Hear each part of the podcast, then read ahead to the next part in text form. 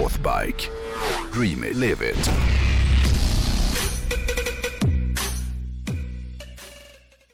Du, eh, när jag var ute och körde hoj i helgen så Mm. infann sig den där känslan som nästan bara infinner sig på våren när man är ute på landet och, och man liksom översköljs av insikten att allt som man har runt omkring sig plötsligt lever igen. Ah. Eh, Det är ju något med vårens färger och, och, och sättet som naturen förändras som gör att det är väldigt lätt att känna att man bara är en väldigt liten del av någonting mycket, mycket större. Ah. Speciellt när man kör mellan Rosenhill och Tungelsta på vägen som kallas för Slingerbulten. Det är en otroligt vacker och kurvig hojväg som alla som kör hoj i Stockholm eh, känner, känner till. Slingerbulten? Ja, alla känner till den. Det är, det är en väldigt härlig, kurvig, rolig väg.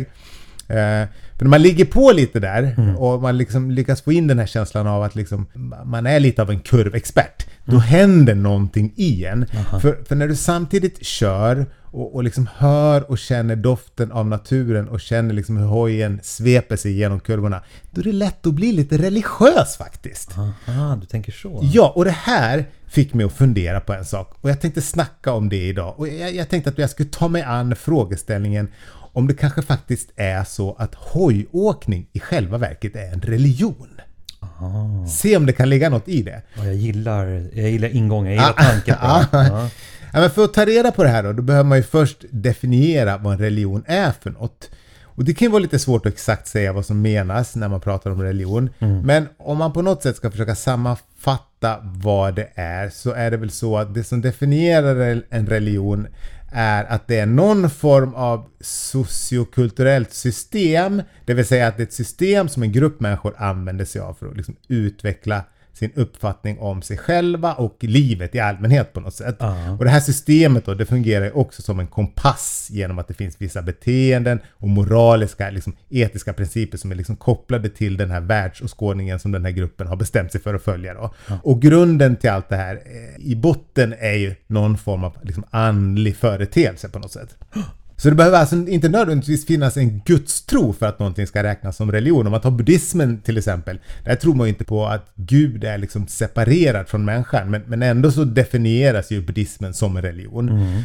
Och en annan sak som ofta definierar en religion är ju att det finns en hel del ritualer eh, och, och någon form av etisk kod som ska hjälpa dig att följa den livsfilosofi som just din religion stöder sig emot. Då. Ah. Så en religion kan ses på som, som något sorts svar på dina frågor Frågor om livets mening och mål på något sätt. Och baserat på det här då så, så är det ju ganska enkelt att dra upp några olika saker som hojåkningen har eh, gemensamt med religioner. För det blir väldigt tydligt att det finns stora likheter här tycker jag. Ja, spännande.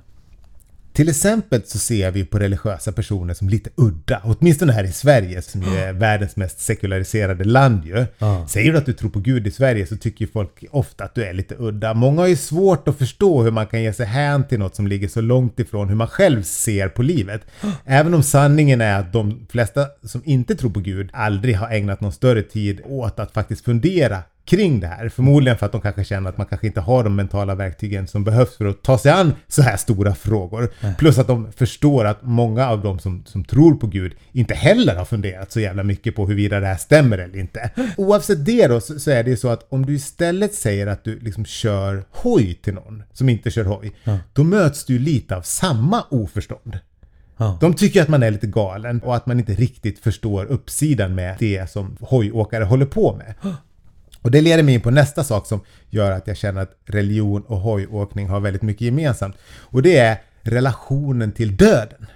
För döden är ju väldigt närvarande i nästan alla religioner ju. Men ur ett religiöst perspektiv så behöver inte döden vara liksom det värsta som kan drabba en ju. Ja, det är inte slutet. Nej. Eh, nu menar jag absolut inte att folk som åker hoj inte tar döden på stort allvar eller att de liksom skulle värdera livet mindre. Förmodligen är det nog precis tvärtom. För jag tror att om man väljer att köra hoj fastän att man förstår att chansen att dö ju faktiskt ökar eh, så finns det något i ens livsåskådning som, som gör att man är beredd att göra den här uppoffringen.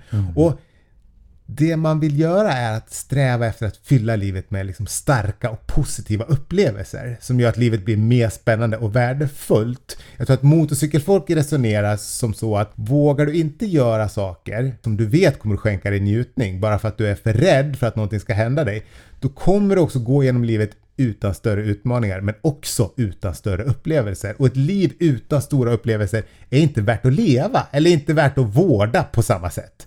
Eh, det vill säga, både religion och hojåkning adderar något till livet som gör att liksom, din stund här på jorden blir mycket, mycket bättre. Och försakelse, eller offer, är också något som är förknippat med olika religioner.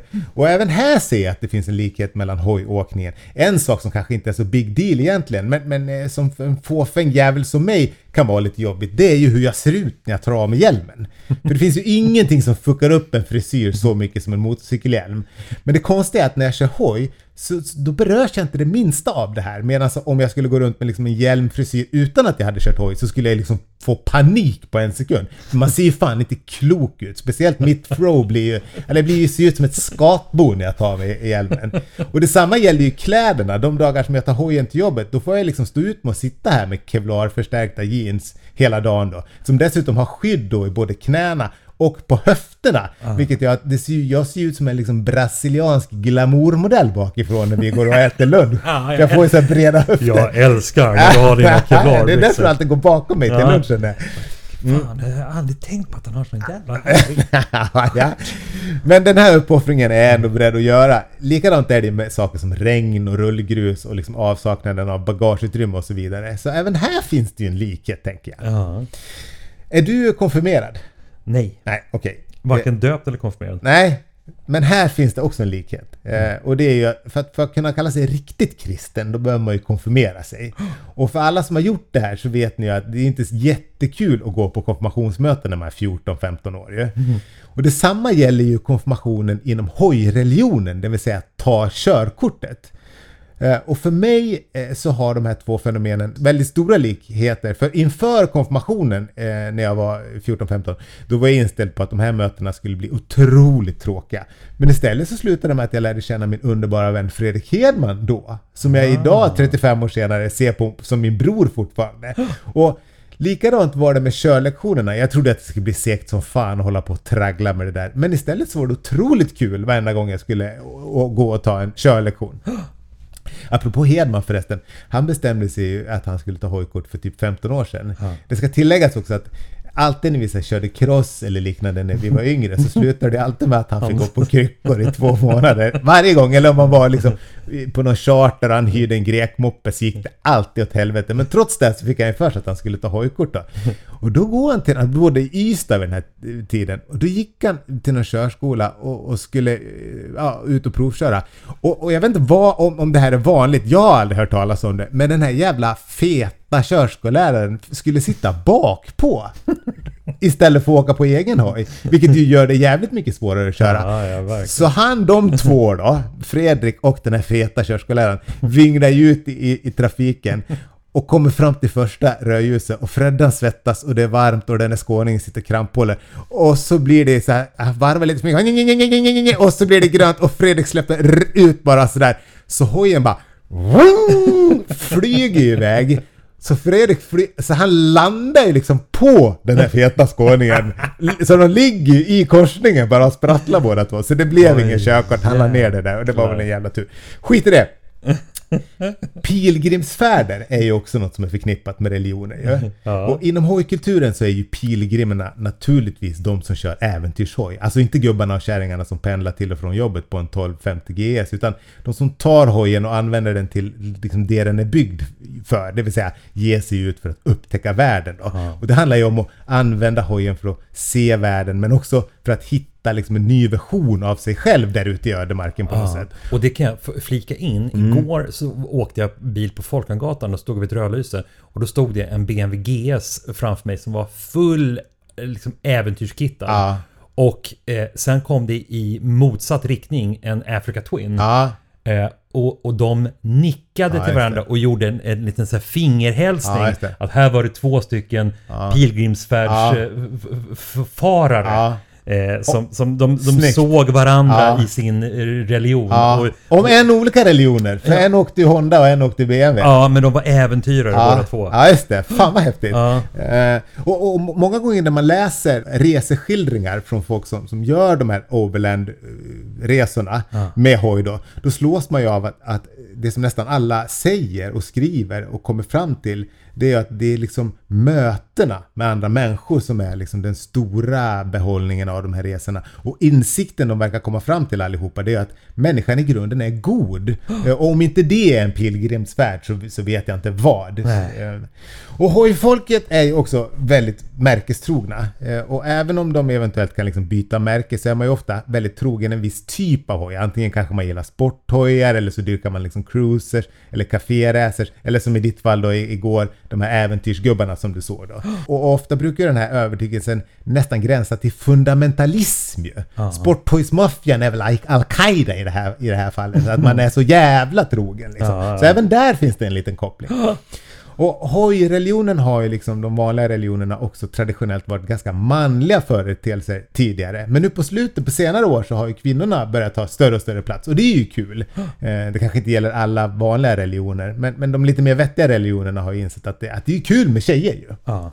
Eh, Och en annan grej som jag tänkte på är att man, man eh, skulle kunna likställa den här som, som du var inne på, hojhälsningen. Mm. Den här lilla handrörelsen som man gör när man möter andra hojåkare. Eh, den skulle man kunna säga är, är vårt korstecken då. Ja. Eller liksom de får Ja, precis ditt, ditt God bless eller Al Akbar på något sätt. Eller? Ja.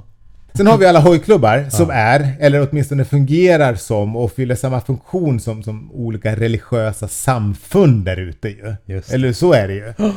Och apropå det så håller vi på med Bilsport och MCs, det här drömgaraget. Eh, och var igår var vi och baptist. besökte ett riktigt samfund. Ja, baptistsamfundet. Ja, vi var ju i ett väldigt speciellt garage, också i Stockholm, Ja. där religionen var engelska gamla hojar. Ja. Den äldsta hojen där var från 1935.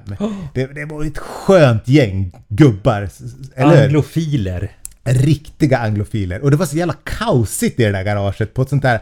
Det, det kändes ju som att det där garaget hade legat där sedan 69. Ja. De hade varit i samma garage i 30 år. Ja, och nu har vi inte börjat klippa den här. Vi ska börja klippa den idag. Mhm. Men jag känner på mig att det här kanske kommer bli, eh, jag ska inte säga den bästa, men eh, vi har bra material därifrån. Mm. Så den får ni hålla utkik efter i Bilsport och MCs alla sociala medier, framförallt eh, Facebook och på deras YouTube-kanal. Men även på deras hemsida kommer den här eh, härliga filmen att, att läggas upp så småningom. För att det här var, det här var ett gäng eh, Sköna, Troende. distingerade gentlemän. Ja, precis. Och, och eh, väldigt troende i Triumph, BSA och eh, Norton, ja, Norton-kulturen. ja just det. Just Eller det. religionen. Ja, överste präster skulle man kunna säga. Ja. Ja. Eh, vi skulle, jag skulle kunna sitta här och hela dagen och göra likne, liknelser som bevisar att hojåkningen är lika mycket religion som en hobby. Framförallt så gör den här filmen som vi precis pratade om för ju det här i bevis kan man säga. Men eh, ja, vi får väl nöja oss med det och säga amen för den här veckan, eh, s- eh, dealen med hojen. Bravo.